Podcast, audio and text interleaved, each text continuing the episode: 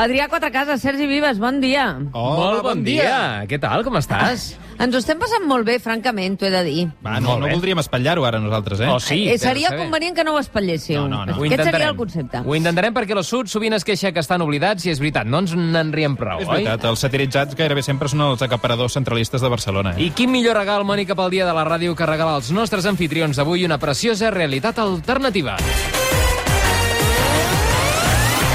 L'actualitat abrenca en forma de titulars.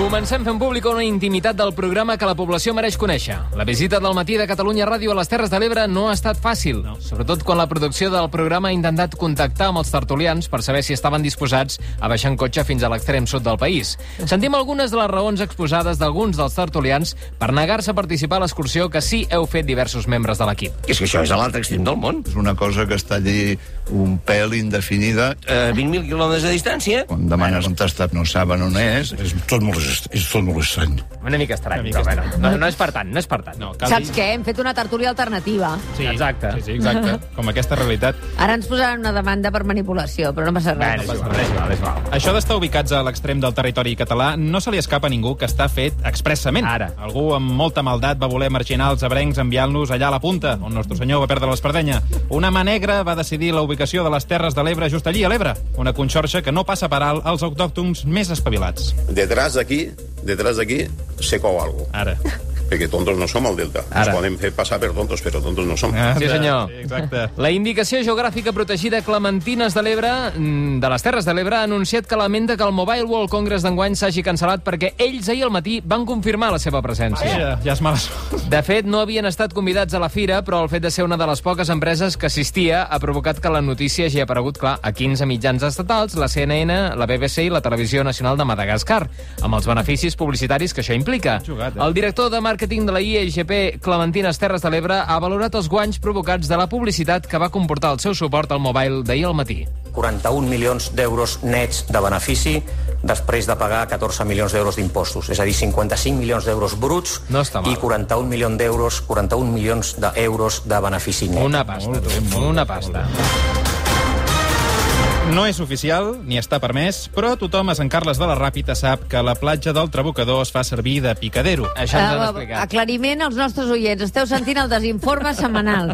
Aquella... No, no, això està bé aclarir-ho, Mònica. Ho he d'anar aclarint, fet, tipus falca, Això saps? està bé, això està bé. Això Però ells ja ho saben, saben que aquella zona és prou apartada, discreta i recollida com per anar-hi a fotre un clau quan vas torrat de licor de crema d'arròs i els passejants més perspicaços de la costa que poden sentir els gemecs que venen d'entre les roques no se'ls escapa que la platja del Trabucador és un racó on s'hi fornica. Detrás d'aquí, detrás d'aquí, se cou algo. Perquè tontos no som al Delta. Ens podem fer passar per tontos, però tontos no som. T'he de dir, t'he de dir que hi ha algun somriure aquí que Ah, em sembla alerta. que no aneu molt desencaminats. Com Alerta. A vegades atinem. T'ho pregunto, que ja veuràs. El dipòsit de gas natural situat enmig uns quants centenars de metres de la costa del Montsià, enmig del mar Mediterrani, més conegut com a Plataforma Castor, Ah, sí, sí. vol esdevenir una república independent. També. També. Així ho han anunciat els dos operaris que segueixen vivint a la plataforma després que l'empresa els oblidés allà un cop van acabar les injeccions de gas. Els dos operaris han anunciat que faran un referèndum d'independència, que ja tenen preparades estructures d'estat, i a més asseguren que s'han apoderat de l'estació marítima de la plataforma i que tenen assegurats, clar, subministraments de per vida. Un dels dos operaris que s'ha erigit com a líder assegurava en un míting ahir des de dalt de tot de la plataforma que és ara o mai. Ara tenim una gran, gran, gran oportunitat. Ho dic a tots els mítings d'aquests darrers dies. No en tornarem a tenir una d'igual durant molt de temps si no la sabem aprofitar. Veus que bé. No en tornarem a tenir una altra com aquesta. Doncs endavant. Vinga. Se sona, sona molt d'eco perquè, clar, són dos operaris i allò està... No, no, està visca, buit. visca Castor lliure. Visca. Els més cuinetes saben que una llei sagrada quan es fa un arròs a la cassola o una paella és tirar l'arròs en forma de creu i no remenar-lo mai. Evident, evident. Després de consultar amb alguns experts en gastronomia, hem contrastat que aquesta tècnica és una imbecilitat de la mida del castell de Miravet. I tot Eps! indica, tot indica Eps! que aquestes instruccions de no remenar la cassola responen a la voluntat dels arrossaires de que el personal se li cremi l'arròs per no haver-lo remenat i hagin de tornar a començar fotent el doble de despesa en el seu producte. Clar, clar, clar, A la jugada d'aquests punyeteros se n'havien adonat alguns eixerits que ja sospitaven que això de no remenar era una ensarronada. Detrás d'aquí, detrás d'aquí, se cou algo. Perquè tontos no som al Delta. Ens podem fer passar per tontos, però tontos no som. Ben fet, ben fet. Digues que sí. I el desinforme setmanal de Catalunya Ràdio ja sabeu que creiem fermament en el periodisme de carrer. Ai. Per això cada setmana lluïm un espectacular desplegament humà a la nostra ronda de corresponsals. Ai, Avui. Mònica, mirarem de copsar es respira tres punts clau de les Terres de l'Ebre. Per això anem d'entrada fins a Amposta, on s'hi ha desplaçat amb un bon cop de patinet elèctric l'Adrià Quatrecases. Bon dia, Adrià. Sí, bon dia, bon dia des d'Amposta, més coneguda com el Nacho Vidal del Montsià, perquè és el terme municipal més gros de la comarca. Ah. Per algunes poblacions la xifra d'hectàrees no importa, però això sempre ho diuen les poblacions que la tenen petita. Certament. No és el cas d'Amposta, que va sobrada, calça més de 138 quilòmetres quadrats, a la major part eh, d'aquest ter- territori no hi ha res que valgui la pena, però bé, el tros és enorme, sí o no? Sí. Per això llueix amb orgull. Els empostins i les empostines es mostren cofois ensenyant a les seves viles veïnes tot l'espai que tenen allí. Diuen, lloc de sobres per aparcar, si mai algú volgués venir per aquí. Els ruc. empostins tenen fama de brutots. dius? Sí, sí, tenen... Di diuen que són els bascos del sud. Ah. Es diu que una persona d'Amposta pot arrossegar una pedra de 200 quilos lligant-se-la a la cintura i fotent saltets. Mm. Però això no és res pels de Deltebre, que es menjarien la pedra per transportar-la sense haver-la de carregar. A la cava els agrada dir que les persones empostines són caberos amb sabates i que si grates un empostí hi trobes un cabero. Vaja. Per això, en nom del rigor periodístic, hem mirat de contrastar-ho segrestant un autòcton d'Amposta i passant-li paper de vidre durant 6 hores. I què? El resultat de l'experiment no ha estat conclusiu, però jo demà tinc un judici per intent d'homicidi. No em sorprèn.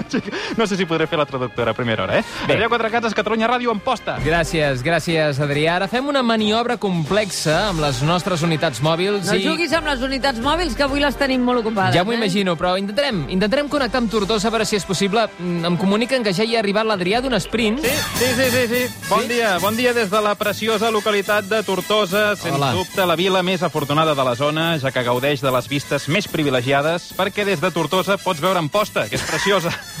és un goig ser aquí a Tortosa a aquesta hora perquè pots fer-hi un tom tot degustant un dels seus típics pastissets de cabell d'àngel, mm. un dolç magnífic i extraordinari que van copiar d'un forn d'Amposta. Bé, això no Tortosa és, sens dubte, el millor destí que un pot triar quan es decideix a visitar les Terres de l'Ebre Ah. si estan plens tots els hotels de la Ràpita, la Galera, Ampolla, la Cava i Jesús i Maria. És animal. Val molt, molt la pena passar per Tortosa perquè és el camí més, més curt per arribar a Ulldecona.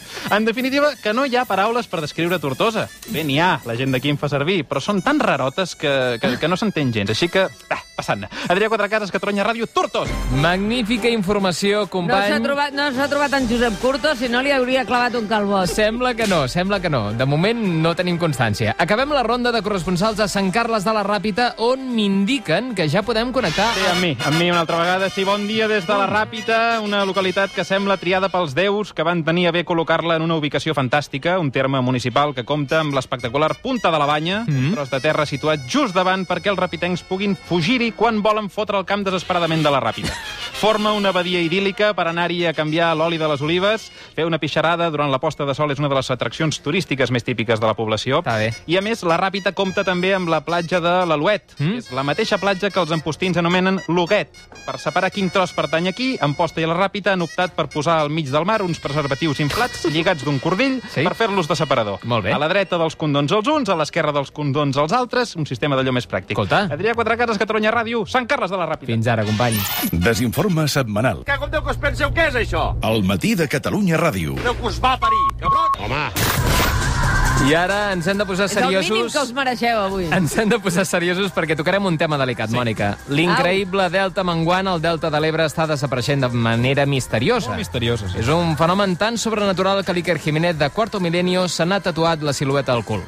El prestigiós Discovery Channel ha indagat en aquesta inquietant tros de terra que s'esfuma i n'ha produït tot un documental. Durante los últimos 70 años, existe un determinado patrón en las aguas entre La Ampolla y San Carles de la Rápita. cientos de De arrozales, playas y dunas. han desaparecido supuestamente sin dejar rastro. Pero ¿qué pasa de verdad en ese pedazo de Tierra que los pisapins visitan solo para ir a comer arroz. ¿Y por qué nunca se encontraron los restos? Vamos a empezar por donde fueron avistados por última vez. John y Andy son los jefes de una investigación no oficial que busca los restos del Delta del Ebre. Piensan que Inició su desaparición cuando el Ebre empezó a tener más pantanos que lesiones el pobre de Dembélé. 29-59 solo hizo que el Mar Mediterráneo se adentrara más y más en el Delta, Suena a ciencia ficción, pero hay un hombre que aún quería petarse un montonaco de kilómetros más de Delta. Que el gran delito del Plan Hidrológico Nacional era compartir el agua que es de todos. El Delta Estuvo a punto de morir en el 2001 con el trasvase del Ebro. Sin duda fue cosa del destino. Aznar Está convencido de que fue víctima de una niebla rara de energía que, según él, se canalizó a través de manifestaciones llenas de peña vestida de azul y con el dibujo de un nudo. Nadie ha visto nunca más ese plan. Pero en un día malo, El impacto del temporal también se ha dejado notar aquí en el delta. Todo el delta se fue al garete, fruto de la dejación de la Generalitat, del gobierno y de Tokiski. Creo que la gente no quiere saber la verdad sobre el misterio del delta porque nos tendría que avergonzar a todos. Doncs jo crec que està força adequat a la realitat, aquest. Doncs, eh, ara ara t'ho explicaran en Nuro Cayola, que és aquí, investigador de l'IRTA, i en Dani Forcadell, de Rosaire, del marge dret del Delta. A veure si estan molt contents. A veure si resolen el misteri, va. Han de resoldre el misteri. Vinga. Uh, Adrià Quatrecases, Sergi Vives, moltes gràcies Una per posar-hi humor. Una abraçada per d'en Josep Curtó, també, Igualment. des de Tortosa. Petons. Que vagi molt bé. Adéu-siau.